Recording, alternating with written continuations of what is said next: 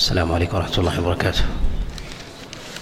الحمد لله رب العالمين وصلى الله وسلم وبارك على نبينا محمد وعلى آله وأصحابه ومن تبعهم بإحسان إلى يوم الدين أما بعد. ففي هذا المجلس يوم الثلاثاء الثالث من جماد الأولى عام خمس وثلاثين بعد الأربعمائة والألف نتكلم على شيء من آيات المواريث من سورة النساء وتقدم معنا الكلام على ميراث الأولاد من البنين والبنات وكذلك أيضا الوالدين من الآباء والأمهات. وتكلمنا أيضا على أحوال الجمع سواء كان ذلك في البنات أو كان ذلك في أو كان ذلك في الإخوة مع الأم في حجبها من الثلث إلى إلى السدس. بعدما ذكر الله سبحانه وتعالى الأحكام المتعلقة بالأولاد وكذلك أيضا بالأبوين ذكر الله عز وجل ما يتعلق بمواريث بمواريث الزوجين. وأمر الزوجية كما لا يخفى ليس ليس متسقا مع بقية الوارثين وذلك أن بقية الوارثين يرثون لأجل الرحم. يرثون لأجل الرحم. وأما بالنسبة للزوجين فإنهما يرثان لأجل الزوجية. وهذا دليل على أن مقام الزوجية متين في الشريعة وذلك أنه ميثاق جعله الله عز وجل بين الزوجين. فيرث الزوجان فيما بينهما ما دامت الصله الزوجية بينهما قائمة. وهذا مما علقه الشارع بالبقاء ببقاء الزوجية. ولهذا يقول الله سبحانه وتعالى ولكم نصف ما ترك أزواجكم وذلك أن الرجل إذا طلق زوجته ولم تكن في عصمته فإنها لا تسمى لا تسمى زوجة ولا تدخل في قول الله عز وجل ما ترك أزواجكم. ولكن لما جعل الله سبحانه وتعالى الزوجين يرثان من بعضهما وجعل ذلك على الاستثناء مقارنة لبقية أهل الفرائض ممن يرث من الأبناء والبنات وكذلك أيضا الآباء والأمهات والإخوة والأخوات فإن هؤلاء أصحاب أصحاب رحم ويرثون لأجل لأجل الرحم. لما جعل الله سبحانه وتعالى الزوجية بهذا المقام دل على عظم مقامها على عظم مقامها بالشريعة. وكذلك أيضا حينما جعل الله سبحانه وتعالى الإرث بين الزوجين متباينا بين الزوج والزوجة فإن الزوج يرث على الضعف من إرث من إرث الزوجة وذلك بحسب الحالين عند وجود الفرع الوارث منهما وذلك لأن الأصل أن الذكر يرث مثل حظ الأنثيين. وهذا يكون في صور يكون في الأولاد من البنين والبنات ويكون كذلك أيضا في الإخوة من الذكور والإناث ويكون كذلك أيضا في الأبوين. يكون في الأبوين في بعض الصور على ما تقدم معنا الكلام الكلام عليه.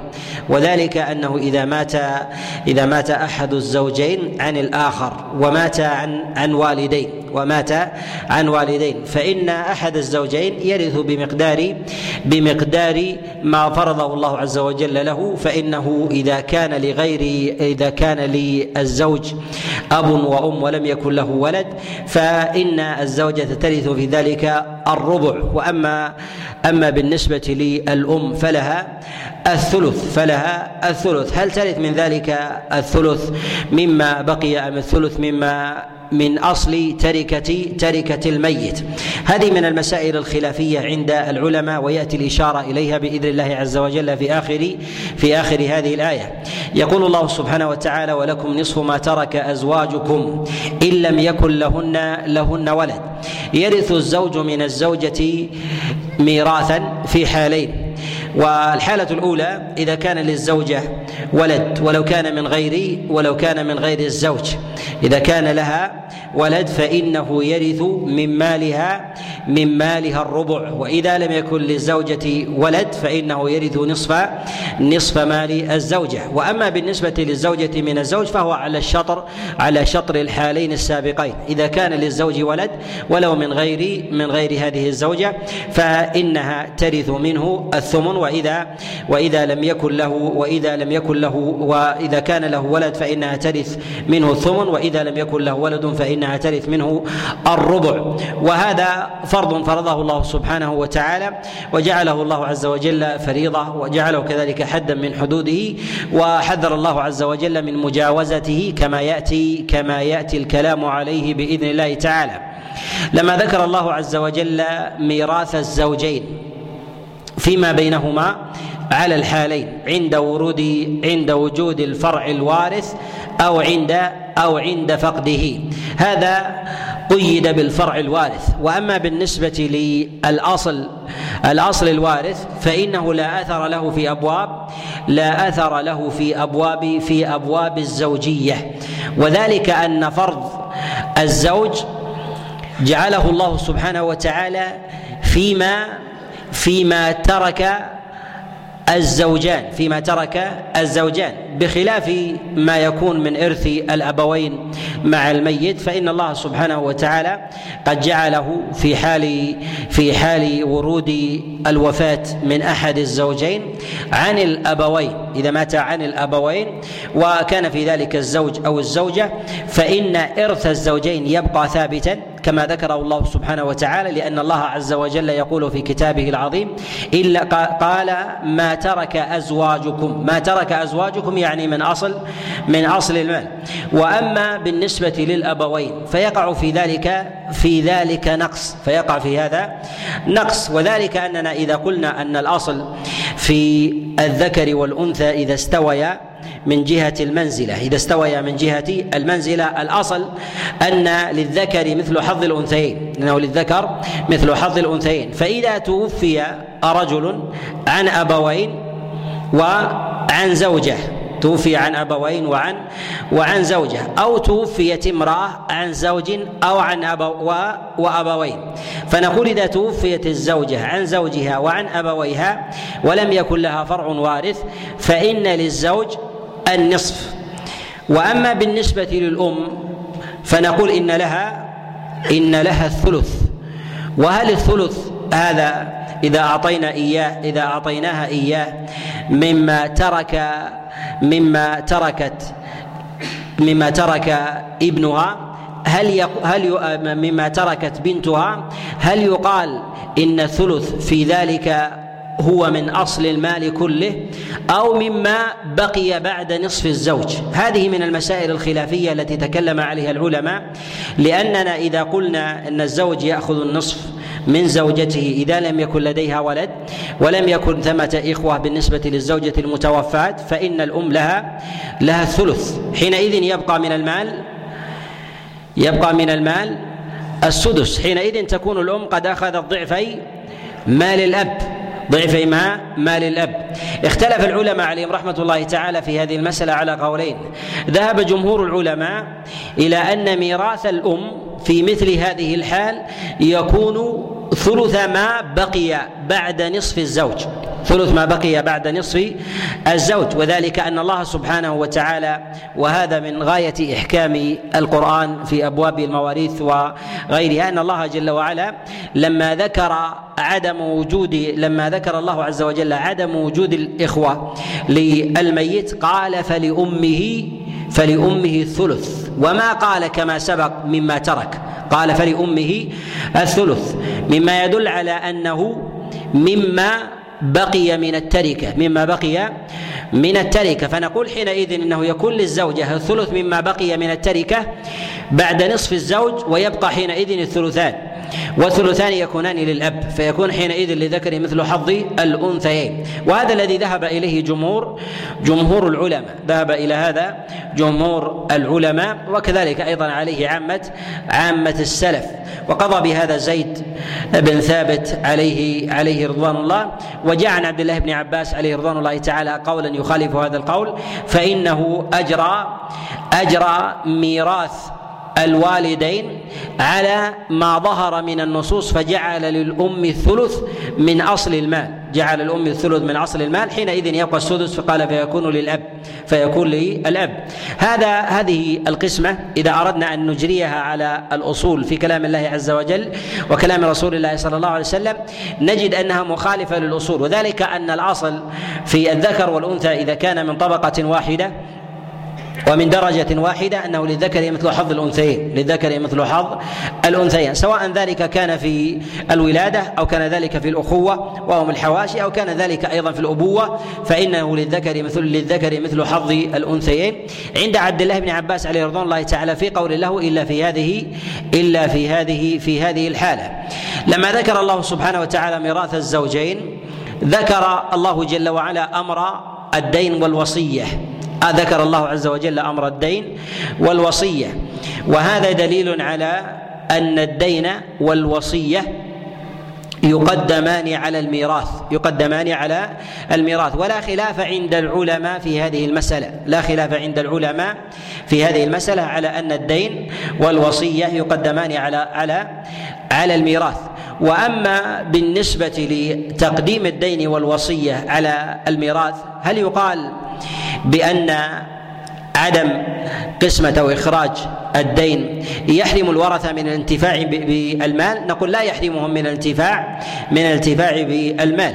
فإذا عرف أن الدين يساوي مثلا ربع المال أو شطر المال أو نحو ذلك فتعين أو عرف أن ثمة مقدار معين من المال يقضي الدين وذلك كبستان أو أرض أو عقار أو مال من النقد أو نحو ذلك. فينتفع حينئذ فينتفع حينئذ بالباقي.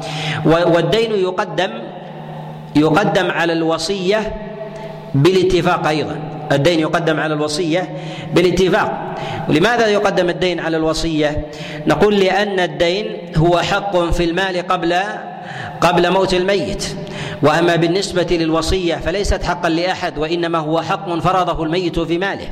وإنما هو حق فرضه الميت في ماله. لا يطلب لا يطلبه أحد من الناس من الناس شيئا. ولهذا نقول إن الدين يقدم على الوصية باعتبار أنه حق مفروض في المال قبل موت قبل موت الميت لا بعده. وأما بالنسبة للوصية فإنما استحقت القضاء والفصل فيها ذلك بعد بعد موت بعد موت الميت. وأما قبل ذلك فلا تعتبر فلا تعتبر ماضية وذلك لأنها وصية وتقيد وتقيد بوفاة بفوا بوفاة الموصي. وذكر الله سبحانه وتعالى ذلك في أمر الزوجين. أنه أن التركة تكون بعد بعد الدين وكذلك أيضا الوصية. وتقدم معنا أيضا ما يتعلق بمؤونة بمؤونة الميت مما يتعلق بتغسيله وتكفينه وتجهيزه وحمله إذا كان في مكان بعيد أو البحث عنه إذا مات مفقودا في صحراء أو سقط في بئر أو غرق في بحر واستخراجه في ذلك يكون من ماله. استخراجه في ذلك يكون يكون من ماله. واختلف العلماء عليهم رحمة الله تعالى في مؤونة الميت في مؤونة تجهيز الميت. هل تكون من أصل المال أو تكون من الثلث الذي اوصى أوصى به إذا كان قد أوصى؟ جمهور العلماء على أنها تكون من أصل المال. على أنها تكون من أصل المال ولا علاقة للثلث فيها. فتستخرج التجهيز وذلك لأنه جزء من النفقة على الميت وهو أحق به من غيره. ما ما كان محتاجا إليه سواء كان حيا أو كان أو كان ميتا. وحاجته في حياته كأن يكون الإنسان مريضا. فبقي مرضه ولو كان مغمى مغمى عليه وبقي في ذلك سنوات فإنه ينفق عليه من ماله. ثم إذا مات فإن تجهيزه أيضا يكون من ماله هو أحق به من غيره هو أحق به به من غيره ويكون من أصل المال ويكون من أصل المال. ولا فرق في ذلك بين الميت الذي ترك مالا قليلا أو كثيرا أو ترك ذرية غنية أو فقيرة أو كان هو في ذاته غنيا أو أو فقيرا. وذهب بعض بعض السلف وهو قول ابن شهاب الزهري إلى أن مؤونة تجهيز الميت تكون من ثلثه إذا كان إذا كان فقيرا. من ثلثه الذي يوصي به إذا كان إذا كان فقيرا. قالوا وذلك حتى لا يجحف في حق الورثة والأظهر والله أعلم أنها في أصل ماله. والدليل على هذا أن النبي صلى الله عليه وسلم مات أقوام كثير من أصحابه وما سأل النبي صلى الله عليه وسلم عما يكون عليهم من أمور تجهيز وكذلك أيضا كفن هل هذا من هل يكون هذا من الثلث أو يكون من أصل ماله؟ فيبقى الأمر على ما هو عليه ولم يفرق في ذلك بين بين فقير وغني بل قد توفي مصعب بن عمير عليه رضوان الله تعالى وليس عليه إلا ما يستر شيئا يسيرا من بدنه وذلك لقلة ذات ذات اليد. ومع ذلك أبقي عليه وما قيل هل لديه مال غيره أم لا؟ كذلك أيضا في الرجل الذي وقصته ناقته في الحج والنبي صلى الله عليه وسلم قال كفنوه في ثوبيه وما سأل النبي صلى الله عليه وسلم هل لديه مال غير هذا المال وهل هو غني أو فقير؟ وما قال النبي صلى الله عليه وسلم هذا في ثلث ماله أو غيره. فنقول حينئذ فنقول حينئذ إنه من أصل من أصل المال. فإذا قلنا إنه من أصل المال وأوصى تضرب الوصية بعد إخراج مؤونته. تضرب الوصية بعد إخراج مؤونته. فإذا ترك الفا فإذا ترك ألفا وقد أوصى بالثلث وتجهيزه مئة. حينئذ الثلث يكون من التسعمائة. يكون من من التسعمائة. وإذا قلنا إنه في أصل إذا قلنا إنه من الثلث فنقول حينئذ نخرج الثلث من جهة أصل المال ثم نخرج المؤونة منها وحينئذ لا يبقى لا يبقى من ثلثه إلا شيئا إلا شيئا يسيرا. والصواب أنها تكون من أصل ماله ولا علاقة لي ولا علاقة للثلث الذي أوصى أوصى به في مؤونته على الصحيح من أقوال من أقوال العلماء. وفي قوله سبحانه وتعالى من بعد وصية يوصين بها أو دين. قدم الله سبحانه وتعالى الوصية على الدين. وتقدم معنا أن العلماء يجمعون على أن الدين يقدم على الوصية ولكن الله عز وجل قدمها في أبواب الذكر في أبواب الذكر فقال من بعد وصية يوصين بها أو دين. والدين من جهة إخراجه يكون قبل الوصية يكون قبل الوصية. يخرج الدين ثم يخرج الثلث أو الربع أو الخمس مما أوصى به الإنسان مما أوصى به الإنسان من المتبقي بعد قضاء دينه. لأن الدين ليس ملكا له وليس في ماله حتى يدخله الثلث والمشاركة فيه. فيخرج فيخرج للناس. ولماذا قدم الله سبحانه وتعالى الوصية على الدين في الذكر؟ مع أن الدين مقدم على الوصية من جهة استخراجه. نقول إن الله جل وعلا إنما قدم الوصية على الدين لأن الدين له من يطالب به له من يطالب به فصاحب الدين ينشد ماله. وحقه فيطالب به من الورثة. وأما بالنسبة للوصية فليست لأحد من الناس فربما تكون لعموم أو حقا مشاعا لعموم الفقراء والمساكين أو في عمارة المساجد أو في ابن السبيل أو غير ذلك أو غير أو غير ذلك. فقدم الله عز وجل الوصية في الذكر اهتماما بها وكأن الله عز وجل جعل نفسه نائبا نائبا عن أهلها مؤكدا على إخراجها مؤكدا على إخراجها. وإنما كان الدين مقدم على الوصية في أبواب الإخراج وذلك أن الوصية من حق الله عز وجل وأما الدين فحق الآدمي.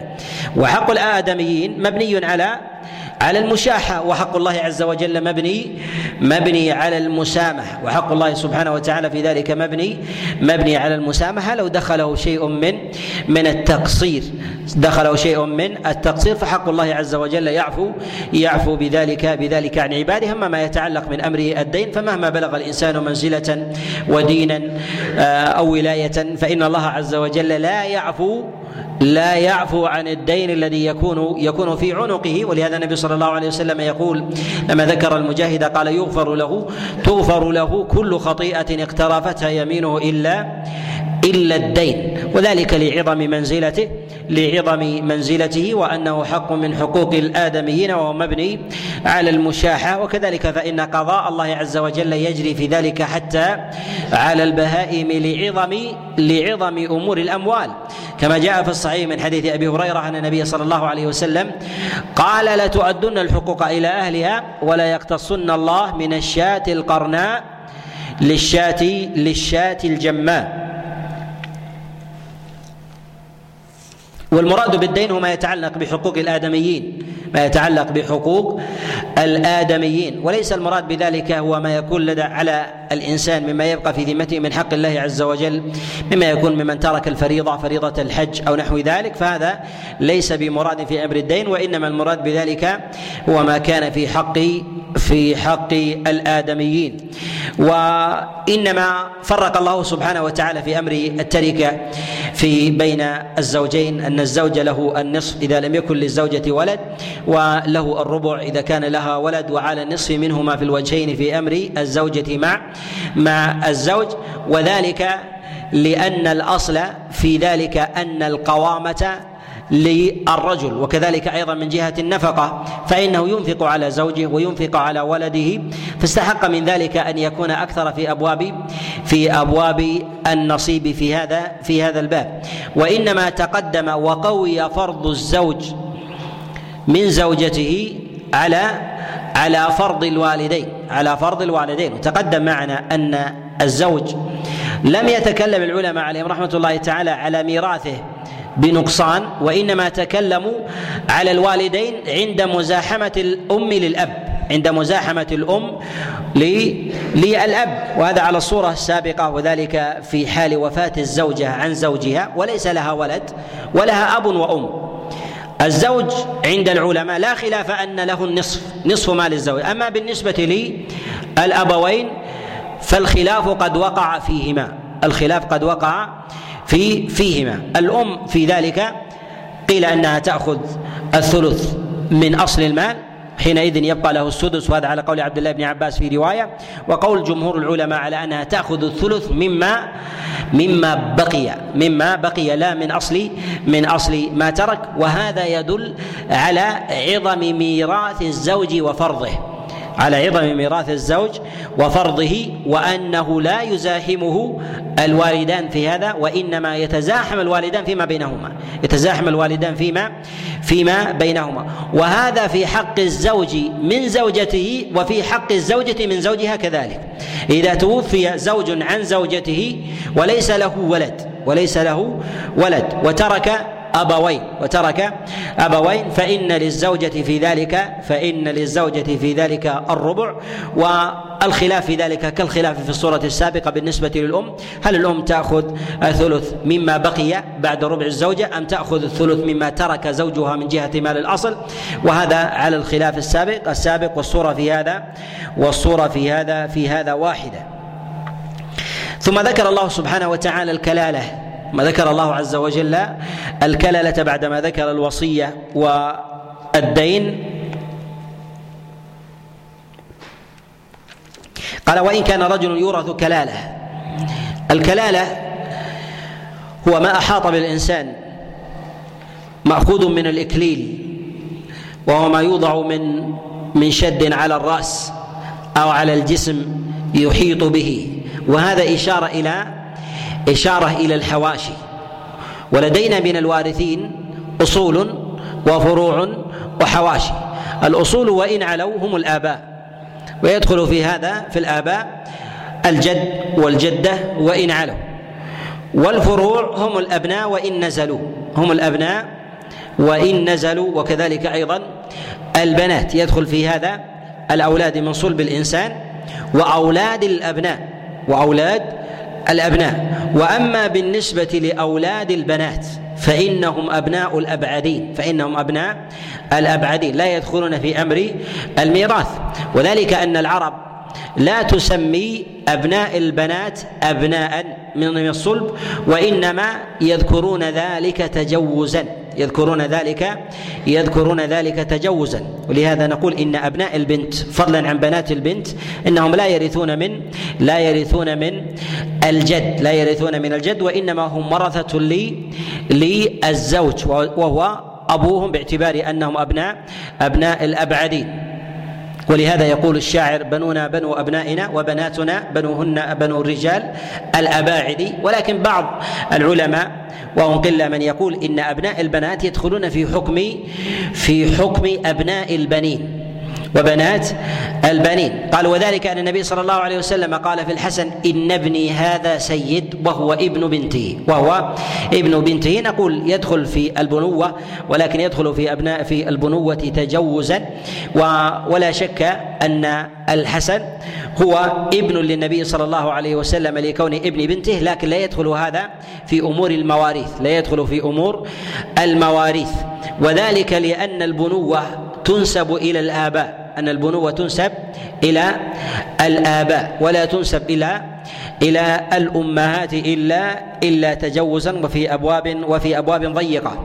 وهنا حينما ذكر الله عز وجل الكلالة وهم الذين الذين يرثون الإنسان من طبقته الذين يرثون الإنسان من طبقته الذين يرثون الإنسان من طبقته هم إخوانه. ومن علوه آباء ومن دنوا عنه هم الأبناء هم الأبناء. فذكر الله عز وجل أمر الكلالة وهم الحواشي وهم الحواشي. هذا على قول عامة السلف وعامة المفسرين على أن المراد بالكلالة هو الرجل الذي يموت وليس له والد يعني أب وأم وليس له ولد من ابن أو بنت. وإنما له وإنما له إخوة. وهذا أيضا جاء مبينا بعد ذلك في قول الله جل وعلا رجل يورث كلالة أو امرأة وله أخ أو أخت. فذكر الله سبحانه وتعالى الأخ والأخت دليلا على أنه لا وارث له إلا إلا هما. لا وارث لهما له إلا إلا هما. فهذا فهذا دليل على أن المراد بالكلالة هم الحواشي الذين يرثون يرثون الإنسان. إذا لم يكن له أصل وارث ولا فرع ولا فرع وارث. قال الله جل وعلا وإن كان رجل يورث كلالة أو امرأة يعني إذا كان الميت ذكرا أو أنثى وليس له وارث من اصوله أو فروعه فهذا كلالة. يعني أنه يرثه حواشيه أنه يرثه حواشيه وحواشيه إما أن يكونوا ذكورا أو إناثا. وسوى الله سبحانه وتعالى بين الذكور والإناث هنا بالإخوة. وذلك لأن المراد بالإخوة هنا هم الإخوة لأم كما جاء في قراءة السعد بن أبي وقاص. وجاء ذلك أيضا عن قتادة في روايته عن أبي بكر الصديق عليه رضوان الله تعالى قال أخ أو أخت لأم. أو من الأم. يعني أن الأخوة المراد بها هنا هي الأخوة الأخوة من من الأم ويأتي معنا الكلام على غير الإخوة من الأم في آخر سورة النساء بإذن الله عز وجل وذلك ما يتعلق في أمر في أمر الكلالة أيضا. هنا في قوله سبحانه وتعالى رجل يورث كلالة أو امرأة وله أخ أو أخت من الأم من الأم وهذا على ما تقدم في قراءة غير واحد من أصحاب رسول الله صلى الله عليه وسلم. والإخوة لأم يختلفون عن عن غيرهم من الإخوة من وجوه متعددة. أولها أن الإخوة لأم يرثون مع من أدلوا به فهم يدلون مع أب أمهم ويرثون معه ويرثون معه. وهذا وهذا اختص به الإخوة الإخوة من الأم. والوجه الثاني أن الإخوة من الأم يستوي فيهم الذكر والأنثى. وذلك أن الله سبحانه وتعالى قال له أخ أو أخت يعني لا فرق بين الذكر والأنثى في هذه في هذا الموضع. وهذا وهذا من الخصائص التي اختصت به اختصت اختص به الإخوة من الأم. الوجه الثالث أنهم لا يجاوزون في مواريثهم ولو كثروا الثلث. لا يجاوزون في مواريثهم ولو كثروا الثلث. فإن كانوا خمسة أو ستة لا يأخذون لا يأخذون أكثر من الثلث من من التركة. لا يأخذون أكثر من الثلث من التركة. الوجه الرابع أن الإخوة لأم لا يرثون إلا في الكلالة. لا يرثون إلا إلا في الكلالة يعني في عدم وجود الأصل الوارث جميعهم وعدم وجود الفرع الوارث الوارث جميعهم وهذه الوجوه الأربعة هي الفروق بين الإخوة والأخوات لأم عن بقية عن بقية الإخوة. وهنا في قوله سبحانه وتعالى قال فلكل واحد منهما السدس فإن كانوا أكثر من ذلك فهم شركاء في الثلث وهذا على ما تقدم أنهم لا يزيدون عن لا يزيدون عن ذلك ولو ولو كثروا. وذلك أن البنات يرثن إذا كنا أكثر إذا كنا جماعة فانها فإنه لهن لهن الثلثان. وذلك على ما تقدم في الآية في الآية السابقة. وقوله جل وعلا هنا من بعد وصية يوصى بها أو دين غير مضار وصية من الله. لما ذكر الله سبحانه وتعالى الوصية بين الزوجين كررها في أمر الزوج مع زوجه والزوجة مع زوجها ثم ذكر الله سبحانه وتعالى أيضا في أمر الكلالة لأهميتها لأهميتها.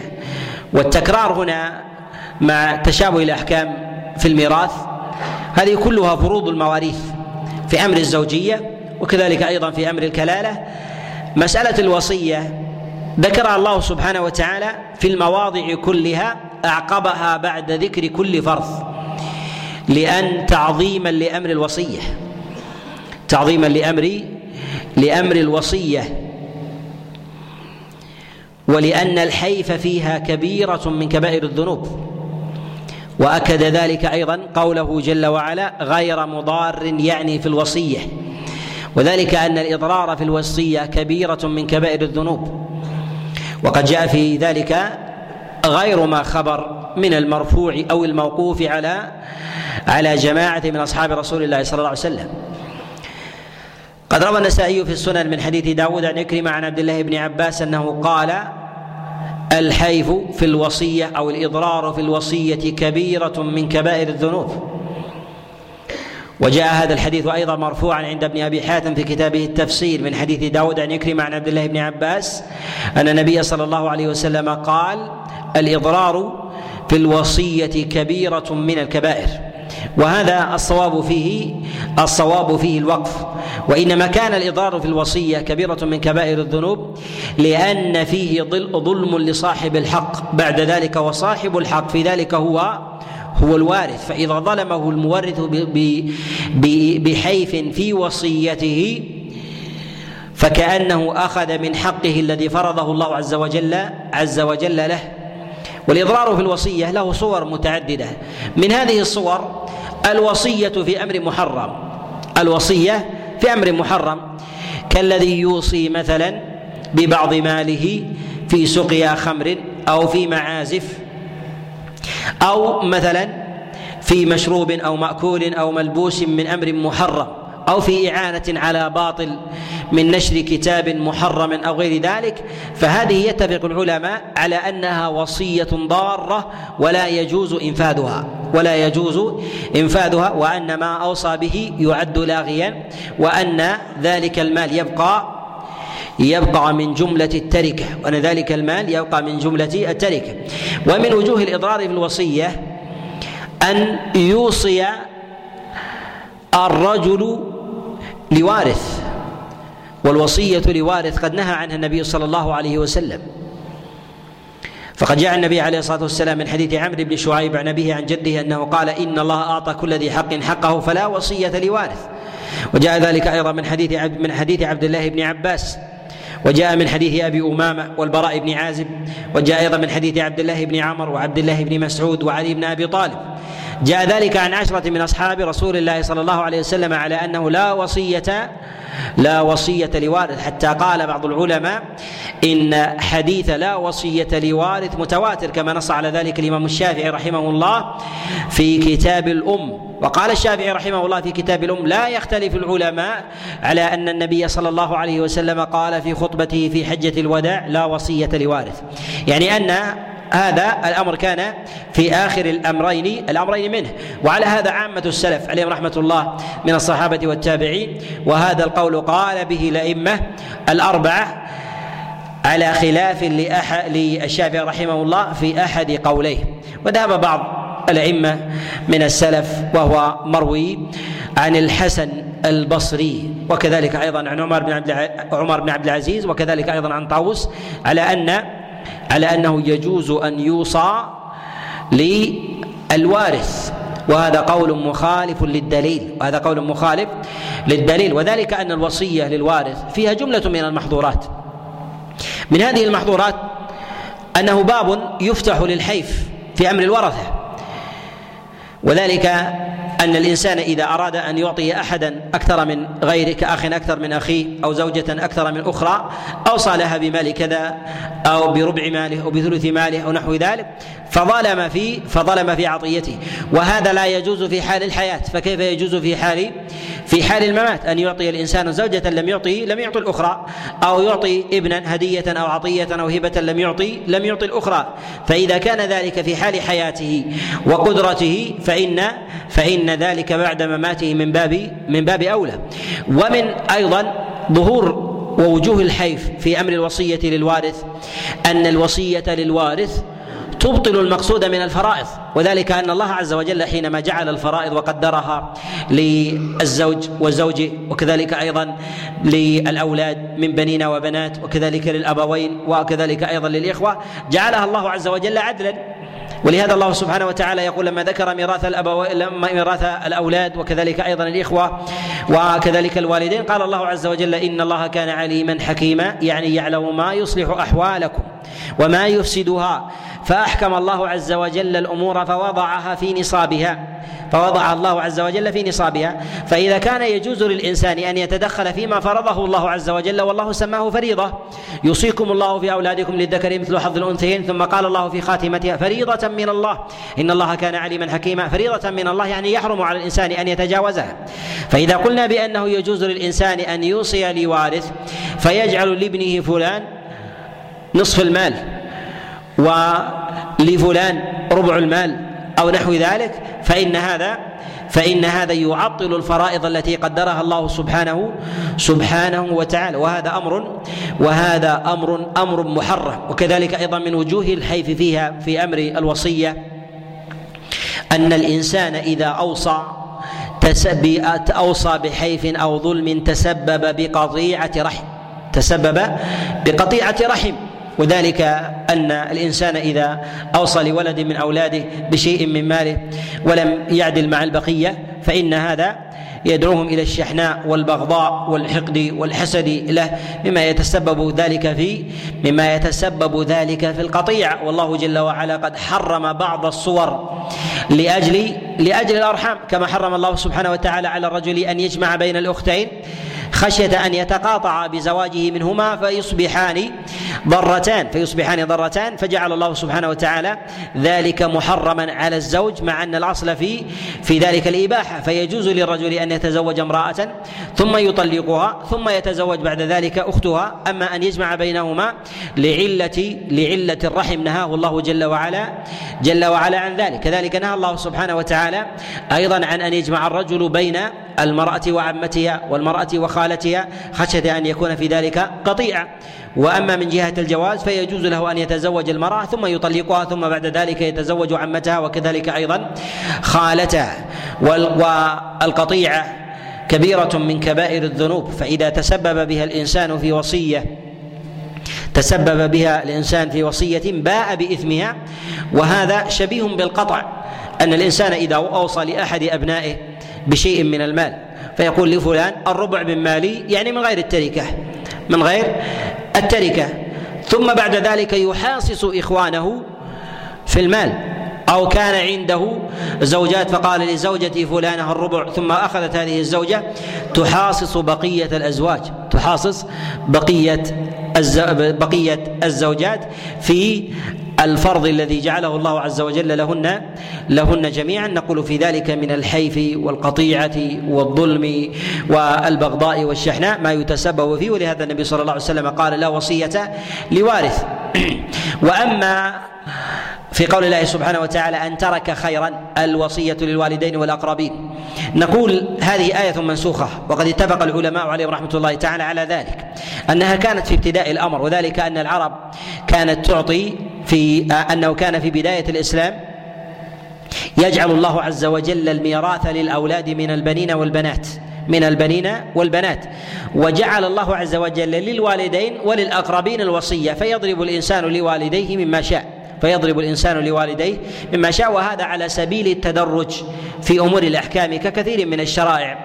ثم لما قال النبي صلى الله عليه وسلم لا وصية لوارث بقي هذا الأمر هذا الأمر محكما. وقد حكى غير واحد من العلماء أن الوصية للوالدين منسوخة. حكى الإجماع على ذلك ولكن اختلفوا في الناسخ لهذه الآية. منهم من قال عموم الفرائض ومنهم من قال فرض الوالدين. أنه أن الله عز وجل حينما فرض لهما النصاب جعل الله جعل الله عز وجل الوصية باقية للأقربين وجعلها بالنسبة للوالدين منسوخة. وكذلك أيضا من صور الحيف في الوصية أن يوصي الإنسان بما يضر بالورثة ولو كان في وجه حق ولو كان في وجه حق. كالذي يوصي مثلا بأكثر من ثلث ثلث ماله وكان ذلك في عمارة المساجد وطباعة المصاحف أو في إطعام المساكين والفقراء وغير ذلك فهذا محرم فهذا فهذا محرم لأنه وصية لأنه وصية فيما زاد عن القدر الذي أذن به رسول الله صلى الله عليه وسلم. وإذا أوصى فيما دون الثلث وهو يضر بالورثة أيضا فهو يحرم كذلك. لأن النبي صلى الله عليه وسلم إنما أذن لسعد على ما تقدم معنا في الدروس الماضية أذن لسعد بن أبي وقاص لأنه لا يرثه حين استأذن منه إلا إلا بنت. فأذن له قال الثلث والثلث والثلث كثير ثم على النبي عليه الصلاة والسلام ذلك في قوله إنك إن تذر ذريتك أغنياء خيرا من أن تذرهم ضعفاء أو فقراء يتكففون يتكففون الناس. فإذا كانت هذه العلة موجودة فإنه ينقص من الثلث كالذي يترك ذرية كثيرة ومالا قليلا. فهل نقول له بأنه يجوز الإنسان أن يوصي بالثلث؟ وإذا كان الثلث يبقي الذرية فقراء نقول حينئذ يحرم. حينئذ يحرم لأن إطعام وإغناء الذرية أعظم عند الله عز وجل أجرا من إطعام غيرهم من الأبعدين ولو كانوا فقراء. في قوله سبحانه وتعالى أو دين غير مضار وصية من الله والله عليم حليم. وهذا فيه تأكيد على ما تقدم أن الله عز وجل جعل من نفسه جعل من نفسه حسيبا ووكيلا في أمر في أمر الوصية. ولهذا نجد أن الله جل وعلا لما ذكر أمر الوصية والدين في أمر الميراث بين الزوجين ما ذكره الله سبحانه وتعالى بعد ذلك فيما يتعلق فيما يتعلق بأمر الكلالة ما يتعلق بأمر الكلالة. وذلك ان وذلك لأن الدين له من من يقوم به ويطالب ويطالب به من الناس. فجعل الله سبحانه وتعالى ذلك وصيه وصية منه نيابة عن أهل أهل الحق الذين أوصي اليهم وصية من الله والله عليم عليم حليم. يعلم جل وعلا ما يصلح العباد وما يفسدهم وفرض الله جل وعلا فرائضه وشرع شرائعه وأحكم وأحكم شرعته سبحانه وتعالى بناء على علمه جل جل وعلا. وقوله جل وعلا حليم والله عليم عليم حليم. وذلك أن الفرائض مظنة للمشاحة. مظنة للمشاحه والمنازعة والمخاصمة وكذلك أيضا المغالبة فكل يريد يريد الحظ أكثر أكثر من غيره.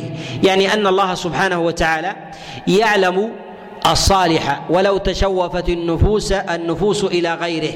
فالله جل وعلا يعلم الصالح فقسم الفرائض على ما يريد وهو أعلم بذلك.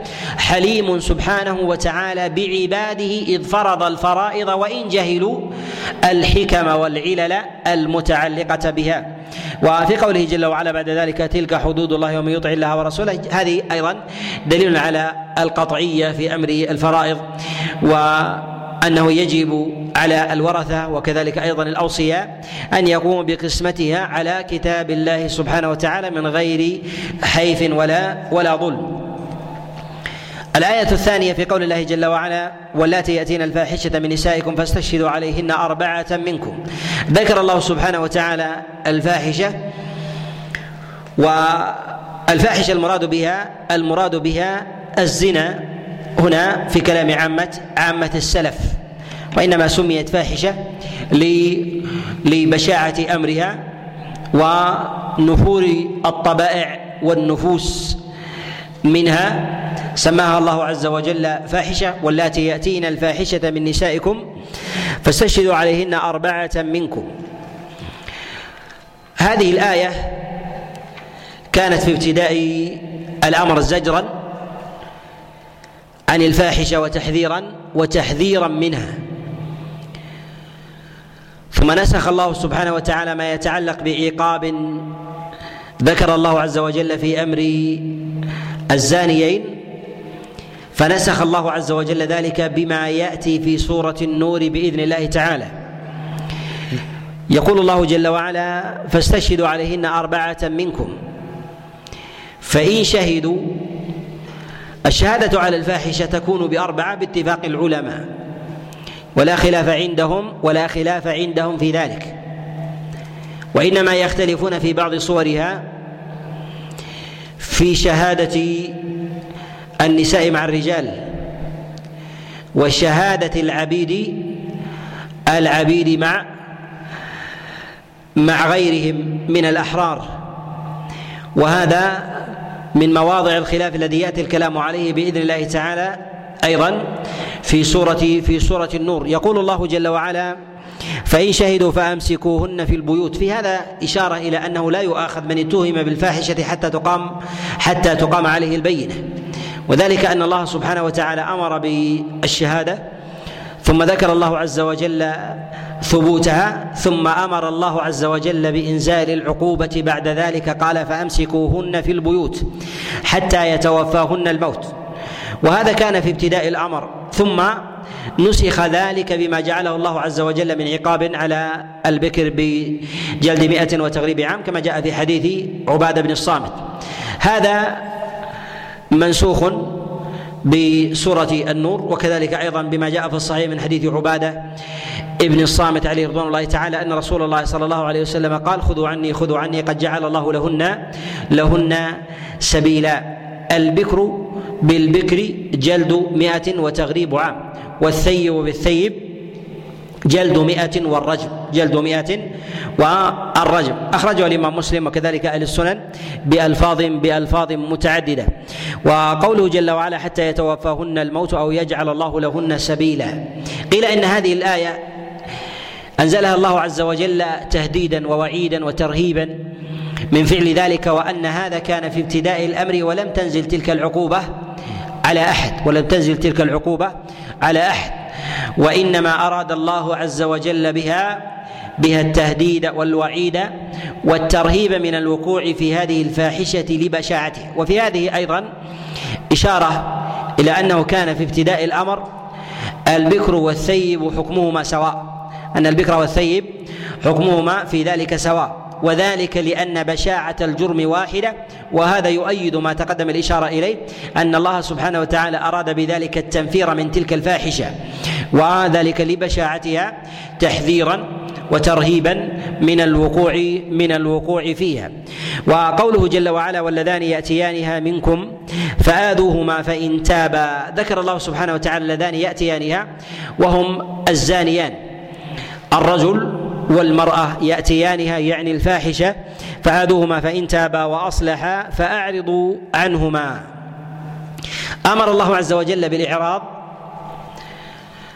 عن الزانيين إن ظهرت التوبة والمراد بالإعراض ألا يبدي للزاني والزانية ما يذكره بجرمه.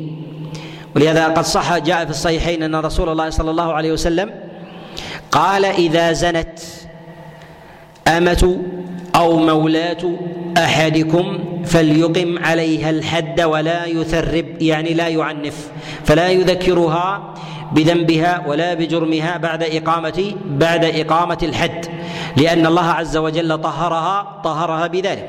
ولهذا الله سبحانه وتعالى ذكر بعد التوبة قال فأعرضوا يعني عن ذكر الفاحشة والتذكير بها. والتائب من الفاحشة إذا ظهرت توبته وصحت كان كمن؟ كمن لا ذنب لا ذنب له. والمرأة إذا كانت بكرا ثم وقعت في فاحشة وتابت منها فإنها فإنها بكر لا تسمى لا تسمى ثيبا لهذه الآية. وكذلك أيضا لما جاء في الصحيحين في قوله عليه الصلاة والسلام ولا ولا يثرب يعني لا يعنف ولا يعير. وقد جاء عند عبد الرزاق وغيره أن رجلا جاء إلى عمر بن الخطاب عليه رضوان الله تعالى فقال له إن ابنتي إن ابنتي زنت وإنها تابت ولزمت القرآن ثم إنها خطبت إلي فهل أزوجها على أنها زانية أم أزوجها على أنها صالحة؟ فقال زوجها على أنها صالح. ثم ذهب الرجل فعاد إليه فقال هل أزوجها على أنها زانية أم أزوجها على أنها صالحة؟ قال زوجها على أنها صالحة وإلا أوجعت ظهرك. يعني أن التائب من الذنب من الذنب كمن لا ذنب له. والزانية إذا وقعت في الزنا كانت بكرا لا تسمى ثيبا ولا تذكر بسوء. فإذا ظهرت توبتها فإذا ظهرت توبتها سواء أقيم عليها الحد أو لم يقم لا يعنف عليها ولا تذكر بسوء.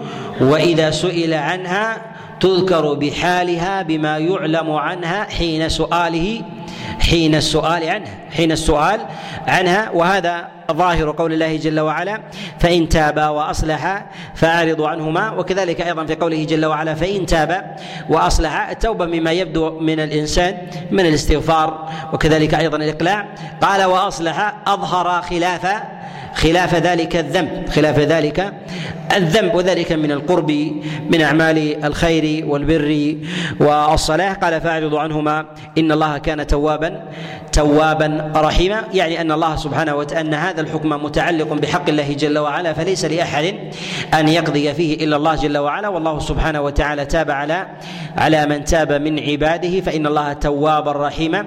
وهذا صيغة مبالغة أن الله جل وعلا يتوب على على المذنب مهما بلغ ذنبا إذا صدق في توبته أي أن الله عز وجل يسابق عبده بقبول التوبة فإذا بدرت منه توبة قبل قبلها منه مسارعا مسارعا إليه. جعلني الله وإياكم من أهل الاتباع والهدى واهل التوبه والعفو والاستغفار.